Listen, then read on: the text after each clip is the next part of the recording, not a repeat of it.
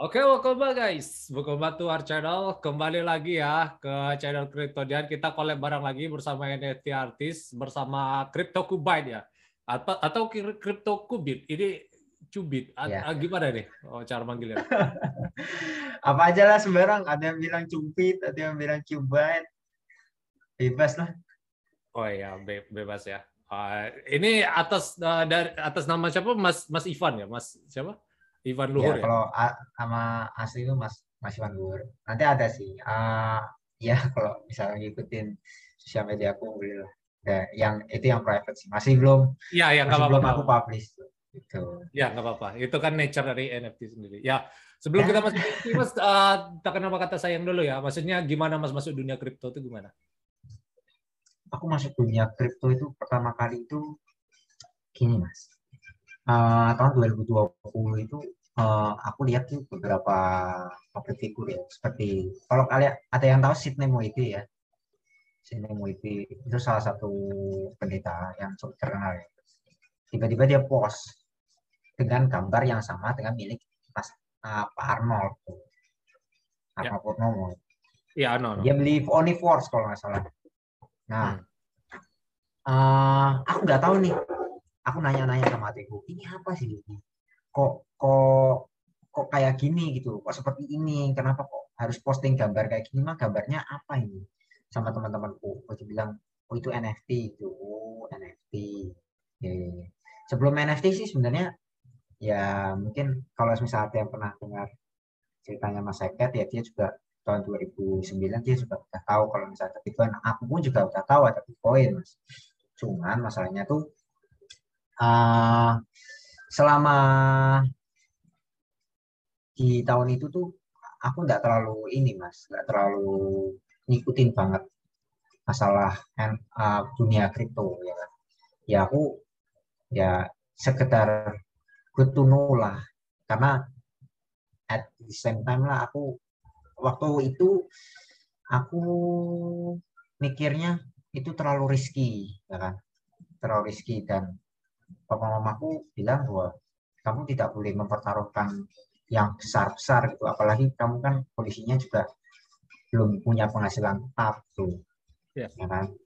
Riskan sekali kalau misal kamu menanamkan modal di situ gitu. Mending orang-orang menanamkan modal di di yang hal yang konvensional seperti emas, tanah, atau apa pun lah yang bisa lebih menghasilkan. Ya. Nah, nggak nggak kepikiran mas, ya udahlah. Itu it's a reference lah, oke lah reference. Makin lama semakin gede, semakin tahu ya kan, research ya kan, pengen pengen punya penghasilan tambahan gitu. Sampai sampai tuh sebenarnya uh, papa mamaku itu uh, mereka mempertaruhkan hidup mereka untuk pergi ke keluar keluar negeri mas. Jadi papa mamaku background backgroundku itu sebenarnya ya ya as a Chinese family lah. Ya regular Chinese family with ya sudah sudah tercampur dengan budaya budaya Jawa gitu mas. Yes, yes, nggak apa-apa, nggak apa-apa. Ya. gitu. Ah tercampur dengan budaya budaya Jawa gitu ya.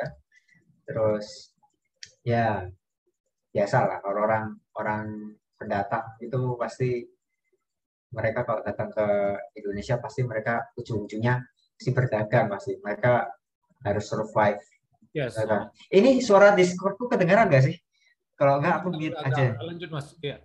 Oh ya, oke oke. Thank you. sorry sorry. Ah, jadi eh, ya memang apa tuh ya background keluarga Chinese ya memang rata-rata mereka punya toko ya. Semua orang mesti bilang "Wah, orang Chinese nih harusnya punya toko nih ya.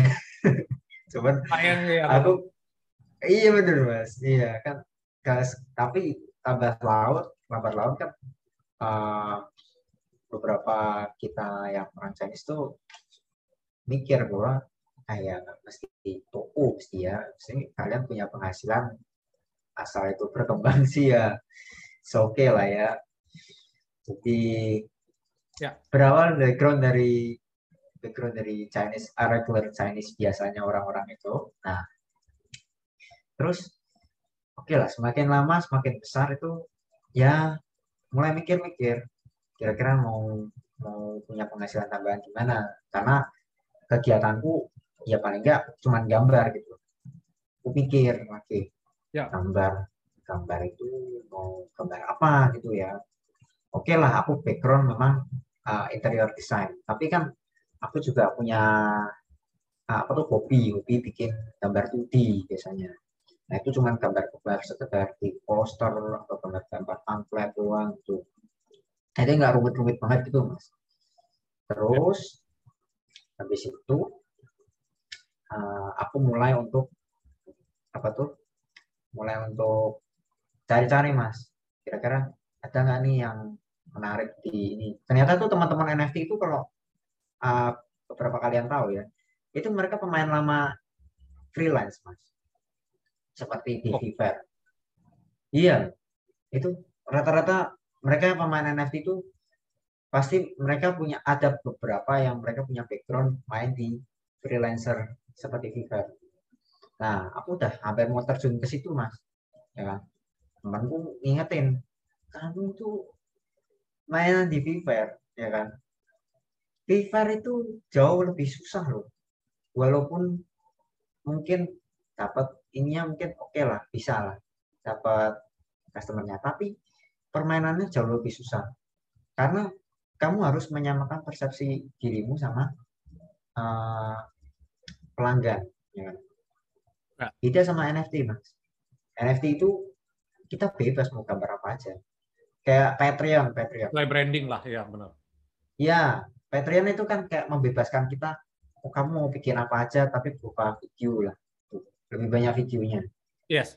Atau sound atau apa pun lah. Nah, Pat- nah NFT itu hampir mirip kayak Patreon. Cuma bedanya benar-benar kita dihargai, Mas. Eh, ada ada nilainya, ada currency-nya setiap Ya. gambar. Ya. Nah, itu yang membuat eh, kita sebagai gambar temanku selalu bilang bahwa NFT itu salah satu jalan keluar orang menghargai hasil karya. Mana ada orang bayar karya ratusan miliar buat satu gambar doang? Ya dan itu ada. pun non non fisikal lagi. Yes. ya kan? Nah itu mas. Kok ada orang? Nah itu kan berarti salah satu bentuk apresiasi orang kan kalau misal orang sudah berani bayar harga segitu mahalnya Ya. tuh. Nah so aku malah terjun di NFT ya awalnya sih pengennya masuk ke ke ini cuman ke OpenSea lah pasti. Semua tak orang tahu semua pasti OpenSea OpenSea semuanya. Cuman aku mikir-mikir lagi coba aku terjun-terjun di Twitter dulu. Wah akhirnya aku mulai bikin Twitter tuh. Mulai lambat laun lambat laun mulai terjebak tuh di situ. Habis itu eh itu apa tuh namanya? Mulai mikir. Waduh ada temen. Iya iya iya. Oke oke. Thank you thank you. Sami-sami. sorry sorry ada teman Ya. Eh, habis itu eh, mulai nih. Eh, apa tuh namanya? Perjalananku dimulai di Twitter mas. Jadi tweet at least ah, ya I think Twitter ini sih memang bikin nambah wawasan banyak banget sih kalau dari aku kalian Ya. bisa ketemu sama teman-teman di space ataupun kalian bisa lihat sesuatu yang menarik bahkan yang paling trendy seperti One Piece 1045 pun juga masih bisa temukan sebelum rilis di website-website tertentu. Ya setuju sih aku Twitter. Betul lah. Twitter tuh Jadi- lebih cepat dari news yang lain. Jadi ya itu sih apa efisiensi kan eh, kalau dalam inovasi itu sangat penting ya. Apalagi kalau efisiensi waktu kayak gitu. Twitter tuh eh, memutus sekat itu sih dan itu eh, sangat bagus untuk adopsi NFT sendiri kan. betul. Makanya ini Mas, aku mikirnya oke lah. ah, kalau tak lihat Twitter ini kelihatannya untuk masa depan sangat bagus sekali ya, maksudnya buat buat efisiensi informasi. Oke aku pilih Twitter jalan utama pertama dulu. Setelah itu ketemu sama teman-teman NFT. Aku awalnya cari-cari referensi NFT NFT yang apa gitu. cari NFT Indonesia siapa yang NFT Indonesia pertama yang keluar tuh siapa ya kalau salah Hypecat atau siapa ya kalau salah Twitter Indonesia pertama saya nggak nyari Karakuru dulu mana saya tuh Ya, malah tahu kan Karakuru baru, iya. Mm-mm. itu itu pun 2020 mas. Iya benar, aku ngerti. kita mulai nyari-nyari. Nah setelah itu mulai tuh. Ada teman-teman yang ngajak space tuh. Tiba-tiba ada ngajak space di teman-teman Indonesia apa apa gitu. Aku lihat oh ada namanya pentas. Oh ada pertama itu aku ketemu sama space-nya Bang Suryo pertama tuh. Ya. ah space-nya teman-teman Indonesia lah aku lupa namanya siapa. Nah itu waktu itu aku ketemu itu langsung sama Bang Trio di situ. Di situ mulai terkena di situ mulai aku belajar belajar. Mau bikin NFT itu kayak gitu. Terus aku tuh belum ada gambaran maksudnya as a solo creator ya mulai mulai aja gitu lah. Nggak ada pikiran oh harus prepare di sini prepare di sini belum. Jadi sebenarnya project crypto Cubebit ini adalah gambaran supaya aku bisa belajar. Oh Ya. begini nih cara bikin PFP project tuh seperti ini nih. Orang lebih suka seperti ini nih. Karena kalau kita nggak mulai apa ya guru terbaik itu salah satunya adalah pengalaman sih mas. Kalau pendapat benar sih. kita nggak akan pernah bisa dapatkan guru terbaik tersebut di kelas apalagi NFT ya mas Ya, NFT ini kan kan juga industri baru, mana ada lah kurikulumnya. Iya Yes, benar. betul mas nggak ada kurikulumnya tapi pun kalaupun ada itu pun cuma mengundang mas Iya Ya. benar. itu pun itu pun mengundang orang mas salah satunya yang yang masa tahu yang ini enggak yang bikin yang aku agak inspire sama ini ada anak kecil mas dia tuh umur berapa itu bikin Ngajak ada, ada. tentang Ngerti will itu loh. dari luar kan dia, orang luar kan. siapa ya itu orang India loh mas Iya ada tahu aku orangnya. Cuman Apa ya? aku lupa namanya. Ya terus gimana? OpenSea ya coba aku cari-cari dulu OpenSea Will Ya nggak apa-apa, ntar aja. Ini kan jalan terus waktunya. oh namanya With Will ya ya, ya. cepet-cepet gampang. Aku langsung browsing kok. Namanya Weird Will. Aku langsung, wah gila. Mana ada orang mau bayar har gambar pixel kayak gini, ya kan? Terus mereka bayar harga mahal buat ini koleksi. Astaga, ya ampun. Gambar cuma begini doang loh. Cuma di generate ngasilin duit. Astaga. Habis itu aku ikut tutorial-tutorial segala macam kan lihat lihat ada orang bilang lu nggak mau kan kalau bisa gambar lu cuma membosankan kan cuma begini-begini doang kan kalian gambar cuma membuat mikir kalau kalian bosan banget gambar cuma begini doang gitu. Cuma generate gambarnya sama gitu. Kan orang kan bosen kan. Nah ada tuh tutorialnya tuh. Itu jadi apa ya cari referensi dari luar-luar gitu. Wih sudah ya keren ya. Ada orang ada orang bisa gambar. Oke lah ada orang gambar mereka gambar gak seberapa tapi mereka yang pertama so mereka yang terkenal. Ya ada mereka yang sudah eh, baru terjun tapi mereka benar research. Ya oke lah. Mereka sukses. Tapi ya apa ya? Maksudnya tuh peluangnya NFT masih masih besar sih. Enggak masih belum ada orang predik lah. Ada orang bilang utility-nya harus bagus gitu. Nah sekarang kalau utility-nya bagus, itu si Gozali itu apaan tuh? Ya itu ini eh, beda lah. Maksudnya Gozali itu exceptional lah. Kita nggak bisa compare kita sama kita. Exceptional. Bukan, bukan masalah exceptional dan enggak exceptional ya. Peluangnya tuh masih unpredictable kalau bisa dibilang. Iya kan? Ya. Iya. Orang nggak ada yang tahu. Oh mereka eh, mereka menariknya sebelah mana tuh nggak ada yang tahu. So I think lah to make eh, NFT I think kalau untuk yang sekarang ya, oke Dior itu juga salah satu bagian dari utama dari NFT. Terus yang kedua ya konsisten. Udah yang tak pikir itu. Ya Aku udah. Jadi uh, kalau ini sendiri mas apa uh, CryptoCubite sendiri ngambil darah na- nama dari mana? Maksudnya maksud mas bikin CryptoCubite itu apa dari NFT maksudnya? Nah, pertama itu aku lihat karena kan orang interior kan, so aku aku lihatnya dari segi perspektif ya. Eh, kira-kira apa sih yang bisa dihasilkan dari perspektif cari di Pinterest atau segala macam itu. Terus habis itu cari punya orang loh. Aku lihat, oh ada orang bikin interior, interior. Interior tuh kan basicnya apa? Otak kan, interior tuh, ruangan. Nah. Aku mikirnya, oke lah, interior. Tapi kok interior kelihatannya sudah banyak yang terkenal ya. Eh, coba tak ulik-ulik lagi, tak cari-cari di Pinterest. Wah, Ya kalau antar aja, ya gimana? gitu terus habis itu aku nemu mas basicnya shape kotak bener-bener kotak basic shape-nya di isometrik mas kalau boleh aku share screen boleh ya mas Oh mau share screen sekalian mas mau tutorial juga ya? Eh, bentar. iya boleh boleh Coba share screen, jadikan mas host. Oke, ya sekarang bisa share screen harusnya gitu ya. oke oke. Sorry sorry. Aku lagi. Ini screen aja.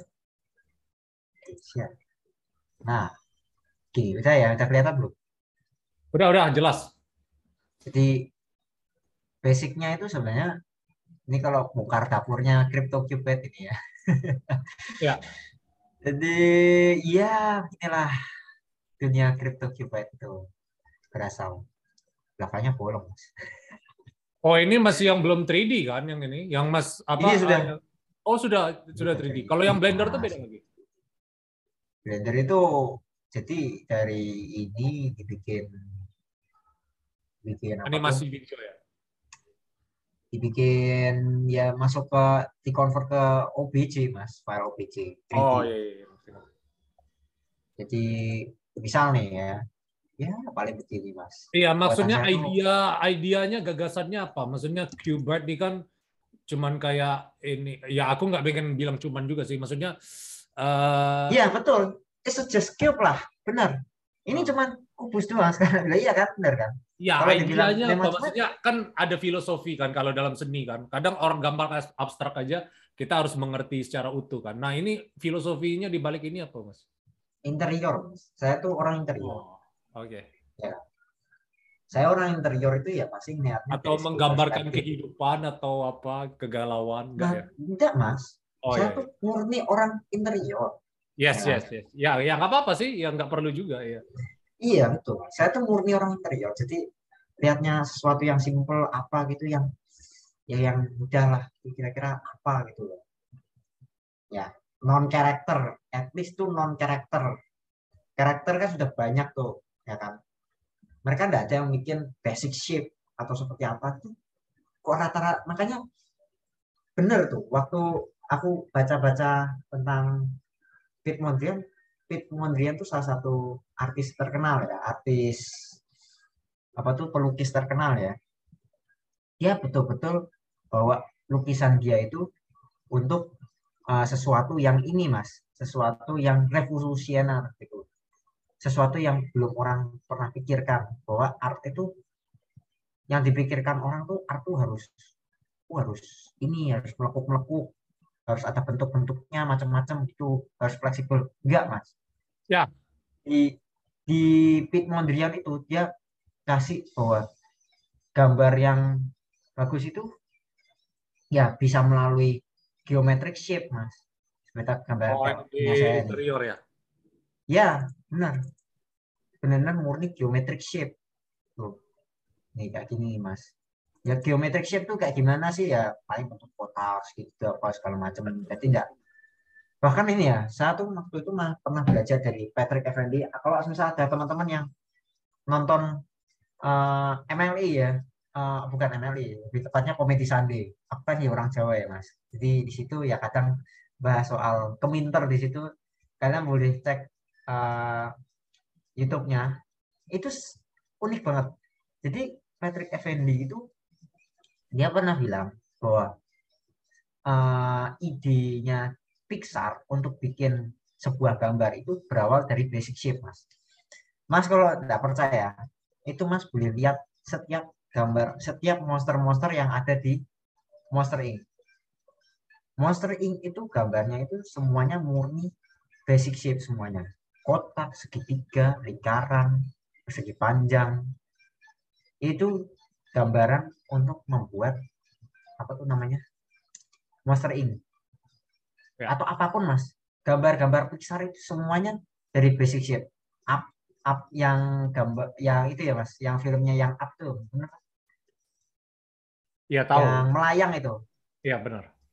Ya itu orang tuanya kan basic shape-nya apa tuh? Kotak kan? Benar. Iya. Nah, justru dari gambar-gambar basic shape itu kalian harusnya bisa meliarkan kalian punya ide gitu. Iya benar. Itu yang membuat kenapa Pixar bisa sebesar sekarang. Ah. Salah satunya. Tuh. Nah, CryptoCubite itu ya yang sekarang ada di pentas itu. CryptoCubite itu sebenarnya ya cuman just a cube ya, tapi with so many pat with many pattern ya. Bisa dilihat di sini. Oh, Pattern. pattern Ini baru baru 200, Mas. Ini baru 200. kayak Rubik gitu. Total supply berapa, Mak? 451, Mas. Total supply. Ingat, Mas. Ya. Jadi ini masih belum seberapa, Mas. Ini nanti bisa dua kalinya ini berarti. Sekitar dua kalinya ini. Ini sekitar 180 sekian. Nah, bayangin nanti ini ada dua. Nanti batch kedua nanti mulai dibikin lagi. Sebenarnya gini. eh bikinnya itu ya sebenarnya bisa dibilang karena aku udah punya basic untuk node geometrik. Node geometrik kan baru ya, Mas. Di Nah. Binary ya. di Blender ya. Ya. Nah, itu aku nggak tahu caranya untuk mengenerate sebuah pattern dalam bus, Mas. Oh, makanya So- Mas lagi belajar Blender itu ya. Ya, benar. Aku belajar, aku coba-coba ngulik Blender ya.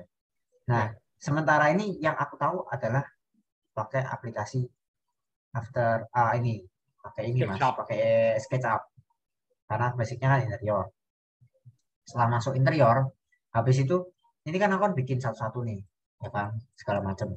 Nah, makanya kameranya ini tak atur, Mas. Ya dia tuh bisa langsung ngefit gitu di situ. Isometrik, Mas, kelihatannya. Iya, benar. Nah. Oh, interior ini juga berlaku dalam sipil sih, maksudnya eh, kita desain bangunan atau apa itu bisa diaplikasikan pakai ini ya, SketchUp atau Corel ini ya. Iya, karena ekstrudnya lebih gampang, Mas. Sekarang kalau misal pakai pakai Blender yang benar fokus di 3D sculpting, lama, Mas, 3D modeling tuh. Iya, benar. Nah. Iya, exactly. Gitu. Makanya kenapa kok pakai SketchUp. Hmm.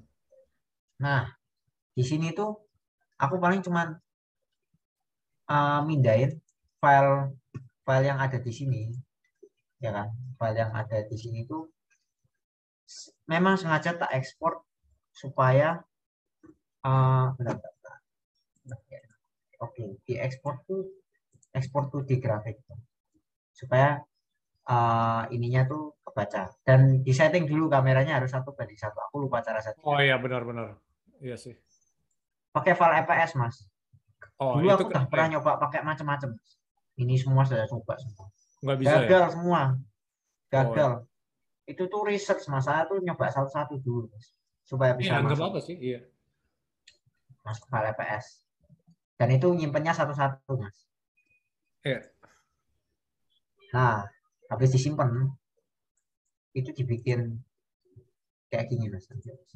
Ini singkat dulu. Project ini teman apa lagi ini. Beda. Ini kan oh, ini yang background, background, background teman saya ini ya, mas. ya, benar. Oh, Kemarin berarti kan beda-beda ya. Kalau ini. Photoshop ya gitu ya. Kalau misal Ya, background. ini ini Ustaz. Enggak, beda. Jadi yang background yang tadi itu itu punyanya Sengklek Velo. Jadi teman-teman kalau misal kalian yang dengar mungkin kalian mau ikut ikut meramaikan ini bisa bisa ini bisa ikutan cek twitternya Sengklek Velo, ikutan gambar gitu pakai backgroundnya Sengklek Velo terus kalian boleh berimajinasi liar kalian. Gitu. Ini ini adalah CryptoCubite yang sudah diwarnain semuanya. Jadi ini bongkar dapur aja ya, bongkar dapur di sini tidak terlalu banyak teman-teman Malaysia, jadi tidak apa-apa lah. Yes. gini gini gini paling kan kita kan sudah save kan filenya di di sana kan Ya. terus kita mau buka hal yang baru nah ini ini. Nah, nah. nah ini mas ini baru di save habis itu masuk terus nanti ini di ini kan nanti kalau misalnya di unbook ya kan? Ini nanti di dikecilin pakai ini ya? Ini supaya cepat aja nih Ya nggak apa-apa. jadi jadi ini pertama diwarnai dulu. Kayak Aduh, gini mas. Nih, gini. supaya benar-benar nyatu sama ininya. Pokoknya diusahakan ini nih sebagai layer Oh gitu. susah mas bikinnya bener Iya tahu. Saya tuh- Aku makanya apa orang ini kan nganggap simpel aja sekedar kubik atau apa. Padahal nggak tahu uh, struggle behind it kan. Maksudnya iya eh. ya makanya kalau Makanya aku nanti- terjual juga berapa berapa BNB berapa BTC aku juga nggak kaget juga sih biasa aja. Maksudnya ya wajar susah bikinnya kayak gitu kan. susah ini ini bikinnya nih satu-satu mas nih layernya satu-satu terus tiap layer itu ini kan tiap layer itu itu terdiri dari empat warna nih kayak gini nih tuh lihat tuh Iya benar. bayangin Ya nggak nggak usah jauh-jauh layernya. Kita bangun layernya tuh aja susah kan. Maksudnya ya cara nah uh, bikin 3D-nya itu sendiri juga butuh otak. maksudnya Juga. untuk Gua- orang gua awam nggak yang bisa nggak sekali. tahu basic untuk orang awam yang nggak tahu basic gambar gambar apa apa pun tuh ini tergolong cukup sulit Yes, makanya. ya itu habis itu habis di layer kan ini kan mau dijadiin GIF kan. Ya udah bikin di GIF habis itu masuk ke Photoshop. Terus habis itu di generate ininya. Ini dimasukin ke file Photoshop itu. Export as as Photoshop. Oke udah. Nanti jadi layer-layer segala macam Iya, benar. Habis itu baru di generate mas di save as layer. Yes. Save as layer. Terus baru dibikin generatif pakai Visual Studio Code. Visual Studio Code. Visual Studio Code. Tapi aku ngambil dari ini mas. Ngambil dari Hashlips. Ya. Terus gambarnya itu nanti dimasukin di sini. Ini cuma gambarannya. Buat teman-teman kalau bisa kalian pengen mainan generatif ya kan. Ya nggak apa-apa sih, ntar bakal di-share di link deskripsi lah. Kalau misal Mas ada yang mau di-share gitu kan.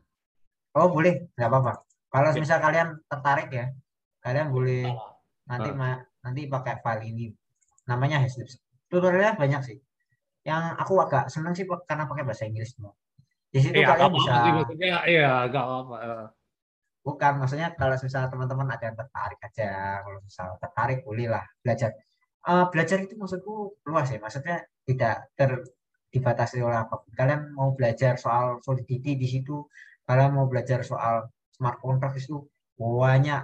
Kalian sampai bikin game di situ juga wadah itu di situ. Semuanya tentang NFT dengan sistem sis- persisteman codingan itu semua dibahas di sana semua. Keren. gitu. Ini aku kan, kan udah bikin ininya kan, bikin apa tuh namanya, bikin layernya kan. Nah, layernya itu nanti di dibikin file nanti, bikin file satu-satu kayak gini. Oh iya ngerti. Ntar tinggal di input yang di tadi itu ya. Nanti dimasukin ke sini, Iya. file hashtag sini, ya kan. Ke sini, ya kan. Itu. Ya, habis itu baru nanti masuk. Nanti kalian bisa ini sih langsung. Detailnya nanti kalian bisa cek di ini aja, karena lumayan panjang soalnya. Iya nggak apa-apa. Oke kita eh, udah ini tadi udah tutorialnya apa belum mas? Eh, eh, udah. itu maksudnya gambaran gambarannya aja nanti Ah. habis itu masih nanti balik ke ini nanti rencana aku mau bikin chip bikin Ah, iya. macam-macam ini aku Oh ini yang di Photoshop ya kalau yang ini ya. Habis ini di, di Photoshop export gitu muncul di Photoshop baru mas edit lagi kayak gitu ya. nanti setelah di di di Hashlips itu udah keluar nanti nanti keluar gambar-gambar kayak gini. Saya kasih contoh. Nih nanti keluarnya kayak gini. Oh ya, layernya ny- nyatu jadi satu gitu ya. betul. Nah untuk bikin GIF itu ya biasa lah gampang. Kalian pasti kalau misal yang paham Iya, GIF kan ah, kayak video mini video kan ya. kalian cuma tinggal bikin ini masuk sini masuk sini terus itu udah cari sampai 60 selesai. Jadilah chip masuk di sini. Apa lah bisa lah teman-teman lah. Nanti kalau kalian ada yang belum tahu ya mungkin boleh. Kalau mau DM di Twitter boleh. Nggak apa-apa belajar di belajar sama kita. Teman-teman di, di kebetulan kan saya mainnya di pentas. Ya jadi kalian kalau misal mau belajar main generatif atau apa gitu mau belajar generatif sama saya juga boleh via DM di Twitter. Gitu. Ya. Hmm. nah ya paling begini aja. Nanti habis itu dibikin chip. Dan selesai jadi mas. Jadi crypto cube baru bikin create game gitu mas. Selesai. Ah, Udah, ya, simple. gitu ya, simple ya. tapi lot tapi a lot of teknik lah.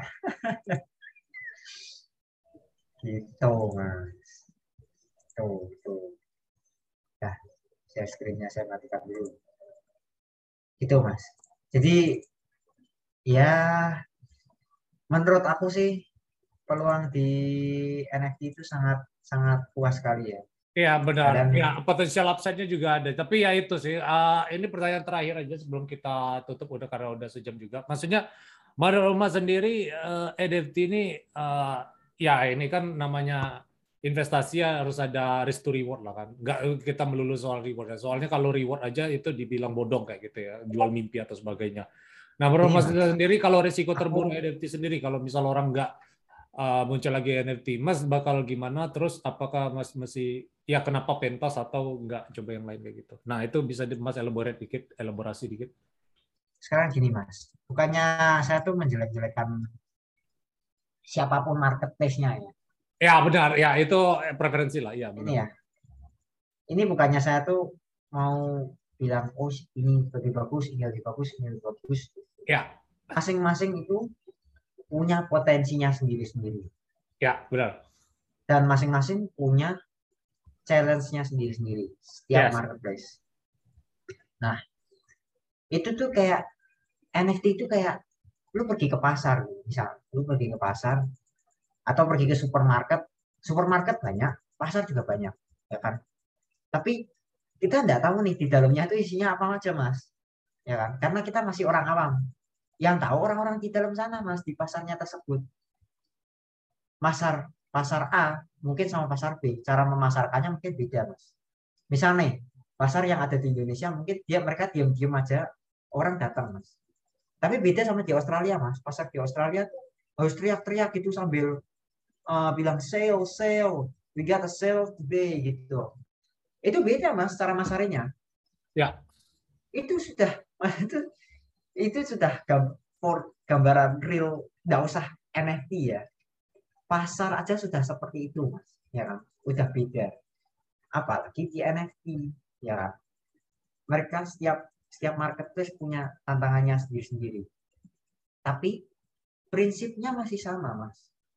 Prinsipnya itu adalah kalian konsisten, ya kan? Kalian sabar dengan kalian punya produk, ya kan? Kalau kalian jualan sayur ya jualanlah sayur sebaik mungkin, jangan setengah-setengah.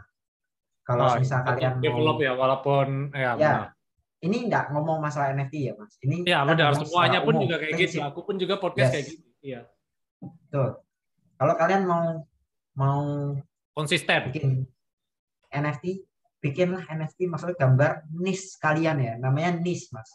Niche tuh kayak uh, Ya tahu Nietzsche kan, yes. sesuatu yang benar-benar fokusnya di situ. Gambarnya tuh benar-benar fokusnya di situ gitu. Iya tahu, Ya kan? tahu. Kalau kalian benar-benar mau usaha itu, misal gambar itu ya gambarlah semaksimal mungkin. Apa yang bisa diulik dari sebuah gambar yang kalian gambar. Ya terus dijadikan Ilustrasi. branding, terus dijadikan Nah. ya. Betul. Terus kalian boleh jadikan branding atau apa pun gitu. Up to lah. Tapi yang paling penting adalah ya belajar dari pengalaman ya mas, dari NFT ya. Saya tuh benar-benar semuanya tuh benar belajar by pengalaman semuanya. Dari nggak boleh ini, nggak boleh itu, apa yang harus dilakukan, apa yang nggak boleh dilakukan. apa yang harus diobrolin, cara ngobrolnya gimana itu masing-masing. Ya maksudnya tuh uh, setelah terjun di dunia NFT itu baru ngerti, oh ini nih yang boleh dilakukan, ini yang tidak boleh dilakukan. Dan itu pun berkembang, masih berkembang sampai sekarang.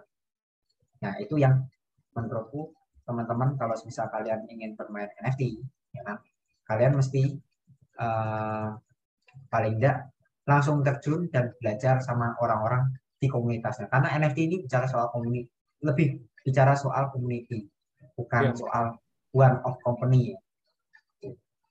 Itu kalau dari aku sih. Ya benar ya. Itu pesan-pesan untuk teman-teman yang kayak gitu. Ah. Nah terus ini terakhir sebelum kita tutup nih mas sudah sejam juga, maksudnya ya kasihan audiensnya juga kan. Maksudnya Bitcoin Price Prediction. Nah, menurut Mas, uh, Bitcoin atau kripto atau BNB ke arah mana nih? Uh, setahun atau dua tahun ke depan nih? Maksudnya target spesifik adakah atau enggak? Gimana? Ini just for fun financial guys ya. Ini Oke, okay, nggak apa-apa, nggak apa-apa. Happy-happyan aja, iya. Aku tidak ada target untuk untuk ini. Karena aku tak yakin masih bakal potensinya masih besar. Iya. Orang tuh di seluruh dunia yang tahu NFT itu paling cuma seberapa tuh mas Benar. Gak usah jauh-jauh seluruh dunia Indonesia aja deh mas Indonesia itu bahkan pemerintah aja masih ragu soal NFT ya. agak ragu ya mas? Ya, ya. sama kayak awal-awal internet lah. Ya benar. Ya. Berarti ibarat mereka kalau belum cuan mereka masih bilang haram mas. Loh benar ya, kan? itu gitu. Mereka kalau belum mereka kalau belum ngerasain untungnya ya kan? Mereka pasti akan bilang oh ini sesuatu yang haram. Tuh. Lah iya, Tapi, ya kalaupun juga udah adopsi semua, dia udah telat, gak ada lagi ininya kan ya. Iya. Makanya potensi marketnya di Indonesia menurutku masih sangat besar karena jumlah ya melihat jumlah penduduknya di Indonesia ya kan, melihat teman-teman saya pun yang di sekitar saya yang tahu NFT paling cuma satu atau dua ya kan Nah, sedangkan teman saya ada mungkin ada sekitar 50 atau 100 ya. Itu pun mereka kalau ditanya, kalian tahu NFT gak? Gak tahu NFT itu apa. Yang gambar dan yang nggak tahu gambar pun juga mereka jawab hal yang sama. sih kan bener kan. Aku cuman bilang, pokoknya buat kalian yang mungkin mendengarkan podcast ini, ini satu pesan yang paling penting. NFT itu salah satu jalan keluar kalian menghargai karya seni kalian sendiri. Yes. Apa pun kalian pendapat kalian mau pro sama kontra, prinsip saya cuma satu. Yeah. NFT adalah salah satu jalan keluar untuk kalian bisa menghargai karya karya kalian sendiri. Dah, that's it tuh. Ya, mantap. Itu sudah ya. itu udah harga harga prinsip Maksud sendiri. Statement yang prinsip. luar biasa dari Mas Gubek. Jadi kita uh, bakal support terus Mas Kobi dan NFT artis yang lain dengan cara uh, nanti bakal saya share di link deskripsi kalian bisa check it out. Uh, thank you so much Mas sudah sejam uh, podcast kali ini. Maybe uh, part 2 kita pas Bitcoin 100k pas orang lagi bicara tentang Bitcoin atau kripto lagi atau NFT lagi. ya, jadi ya it's only a matter of time lah. Jadi ya aku bakal yakin bakal upside dia masih bakal tinggi dia. Jadi uh, support terus ya, ya guys ya leave a like and subscribe to our channel ya guys.